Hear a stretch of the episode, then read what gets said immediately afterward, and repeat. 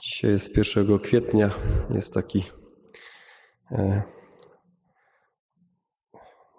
takie opowiadanie o tym, jak to Jezus wysyła apostołów do tego, aby przygotowali ucztę. Mówi, wynajmijcie taką salę, żeby tam było stół na 26 osób. A apostołowie mówią, panie, nas jest tylko 13. A Jezus mówi, będziemy siedzieć po jednej stronie stołu. Jak ktoś zna obraz Leonardo da Vinci, to wie o co chodzi. Dzisiejsza liturgia e, słowa pokazuje nam Jezusa, który obmywa uczniom nogi. E, w czasie ostatniej wieczerzy Jezus zdjął z siebie szaty, przepasał się i, i umywa nogi Słyszymy też o tym, że Judasz sprzedał go za 30 srebrników. 30 srebrników to cena niewolnika. Co nam ten, te dwa symbole pokazują? Niewolnik miał zadanie obmywać nogi swoim panom czy swojemu panu. Jezus pokazany jest w tej ostatniej wieczerzy jako ten, który staje się sługą. Pasterz staje się barankiem. Mistrz, Mesjasz, Pan staje się niewolnikiem, sługą. Eucharystia, jak słuchamy, jest znakiem przymierza, powiem nowego przymierza. Co to jest to przymierze? Przymierze e, u starożytnych oznaczało i było zawierane między kimś wielkim, królem, władcą, a kimś, kto był słabszy, poddanym, biedniejszym. Przymierze, które zawierano, tą umowę, zapisywano na tablicach. Te tablice składano w świątyni. Na znak zawartego przymierza przelewano krew zwierząt jako przestrogę. Jeżeli któraś ze stron nie spełni tej umowy, wtedy ta krew przypominać ma, że e, będzie winny krwi. Żydzi sprawowali ostatnio wieczerze, paschę, e, zabijając baranka, spożywali go na znak wyjścia z Egiptu, na znak tego przymierza, które Bóg z nimi zawarł przez Egipt, przez Mojżesza. Wychodzą z Egiptu, wcześniej mieli zabić baranka i drzwi swoje obmyć jego krwią. Otrzymują dziesięć przykazań. Dwie kamienne tablice. Ten znak dla Żydów był znakiem tego, że są wierni Bogu. Przypominali, zabijali tego baranka co roku na Paschę, żeby przypomnieć sobie, że mają przymierze z Bogiem. Składali dziękczynienie i ofiarę. Jezus jest znakiem nowego przymierza dla nas. Tym znakiem jest y, to, że Bóg z, z ludźmi z nami, chce nowego przymierza. Daje swojego syna. Znakiem tego przymierza jest jego krew, jest przelana na krzyżu, a w naszych sercach wypisane jest nowe prawo miłości Boga i bliźniego. To się dzieje w naszym sumieniu. Czasami mamy tak, że w kościele są y, przykazania gdzieś wypisane, znak tych przykazań. Ale wiemy, że one są w naszym sumieniu, w tym człowieku wewnętrznym, w naszym duchu. My składamy tą e, Eucharystię jako znak dziękczynienia, przypomnienia, że jesteśmy chrześcijanami, że między Bogiem a nami jest e, umowa, przymierze. Bóg i te święta to pokazują. Bóg Ojciec swoim Synu chce z nami zawrzeć nowe przymierze. To słowo ma jeszcze inne znaczenie. Przymierzyć, przyrównać. Znamy to słowo z języka codziennego. Przymierzyć coś. Małe dzieci, małe dziewczynki, jak są takie jeszcze malutkie, to co robią? Przymierzają sukienkę mamy. Ubierają jej buty, korale zakładają. I uśmiechamy się, kiedy widzimy taką dziewczynkę przebraną za dorosłą kobietę. Chłopcy siłują się z ojcem na rękę, kto jest silniejszy, czy ja już jestem silny. Siłują się z innymi, robią kreskę, ile mają wysokości. Chcą dorównać, jaki będę wielki. Nastolatkowie też się porównują do swoich rodziców. Próbują im udowodnić, że już wszystko wiedzą lepiej, że już ich nie potrzebują. Czy nie jest podobnie z nami w relacji do Boga Ojca? Czy czasem nie chcemy się z Nim porównać?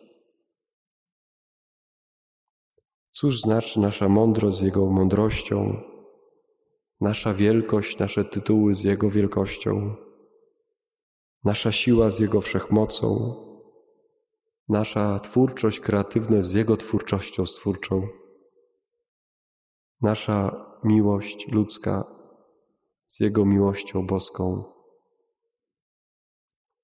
Jacy wydajemy się w porównaniu z Nim?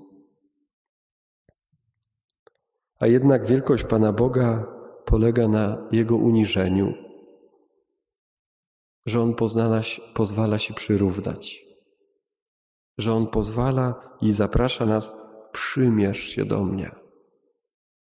Możesz się ze mną związać.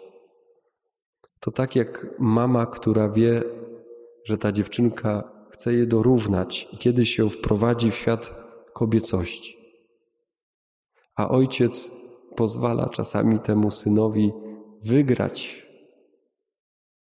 bo chce go wprowadzić w świat męskości. Bóg robi z nami coś podobnego, czyli Bóg Ojciec robi coś dla nas podobnego. Przez swojego Syna zwraca się do nas. Jego Syn jest znakiem przymierza. Przyjmij Jego słowo, Jego obecność, Jego ciało i krew przyjmij mojego syna. Jego posługę, On umyje ci nogi. Syn Boży, Jezus, umyje ci nogi. I chyba z tym mamy największy problem. Jak to, Panie, będziesz mi nogi umywał? To jest niemożliwe. Ale nie da się inaczej zostać chrześcijaninem to zawsze jest Bóg jako pierwszy. To trzeba dostać. Żeby sprawować Eucharystię i powiedzieć dziękuję, to najpierw trzeba coś dostać. Nie można się przekonać do dziękczynienia. Trzeba być przekonanym, że się otrzymuje. Nie zostanie nikt chrześcijaninem, bo chce, bo tak postanowiłem on jest pierwszy, który nas umiłował. Jeśli ci nie umyję, nie będziesz miał ze mną udziału, słyszy Piotr. Każdy z nas to słyszy. Pozwól się umyć. Pozwól się obmyć. Jesteśmy już obmyci. W chrzcie. Jesteśmy zanurzeni. A teraz Jezus mówi: Wystarczy, że ci nogi umyję. Już cały byłeś. Pozwól, że ci nogi umyję. I w końcu powie: Czyń tak samo, jak ja tobie czynię. Przez to ustanawia sakrament kapłaństwa. Chcę też kilka rzeczy powiedzieć, kilka słów o kapłaństwie. Podobnie jak nie można zostać samemu z siebie chrześcijaninem, wiarę trzeba otrzymać. Podobnie jest z kapłaństwem, to jest łaska. Dzisiaj jeszcze wyraźniej pokazuje nam to Jezus niż samo tylko mówimy powołanie, trzeba mieć powołanie. Co to jest to powołanie? Potrzebne jest to, żeby odkryć nie tylko wezwanie Boga, ale doświadczenie Jego miłości. Tego, że On Cię kocha bardziej. Można byłoby popatrzeć na księży jako na tych, którzy jakoś bardziej wyjątkowo są przez Niego kochani.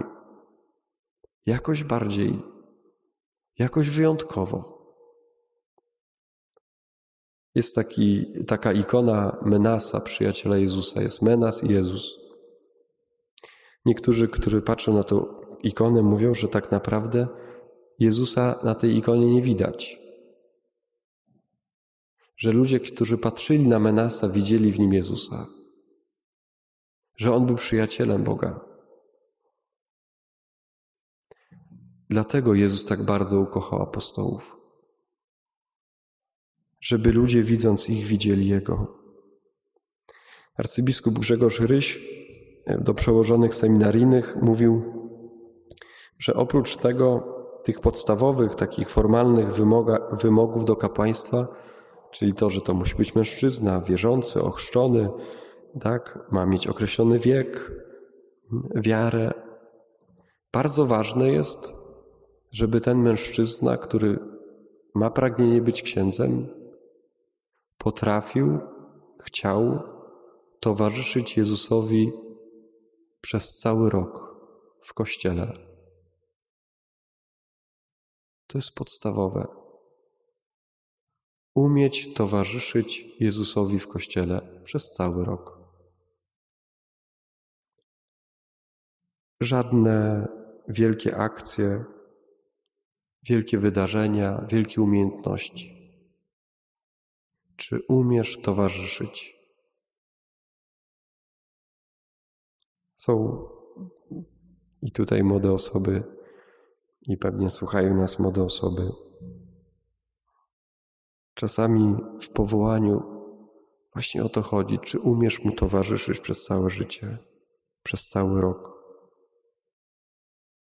w codzienności. To pokazuje nam Jezus w tej dzisiejszej Ewangelii. Mówi do Piotra, Piotr widzi w Jezusie jakiegoś tylko wielkiego Boga, niezwykłego człowieka, a Jezus mówi: Piotrze, pozwól, że dzisiaj będę sługą. Takim codziennym sługą.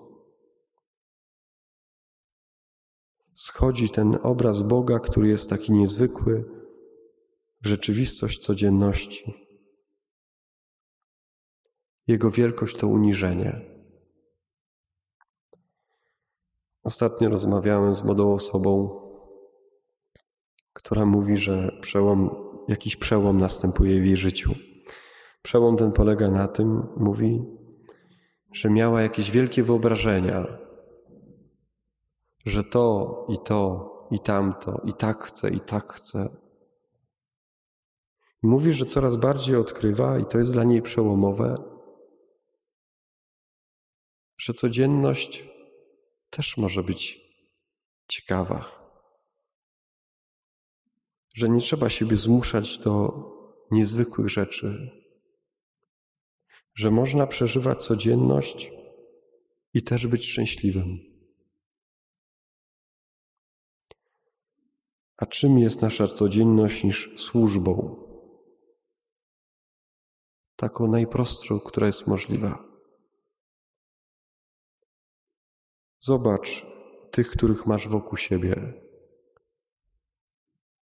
Oczami wyobraźni, czy będąc w domu teraz, popatrz na swoich bliskich, pomyśl o swoich współpracownikach, o tych ludzi, o ludziach, do których jesteś posłany. I zobacz, że tam dzieje się służba w codzienności.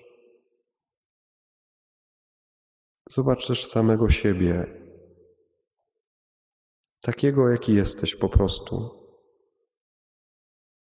Jezus mówi: Pozwól, obmyję ci nogi. Nie musisz robić nic nadzwyczajnego. Pozwól mi sobie usłużyć. Kiedy na nowo to doświadczymy, że Pan przychodzi teraz, mówi: Obmyję ci nogi.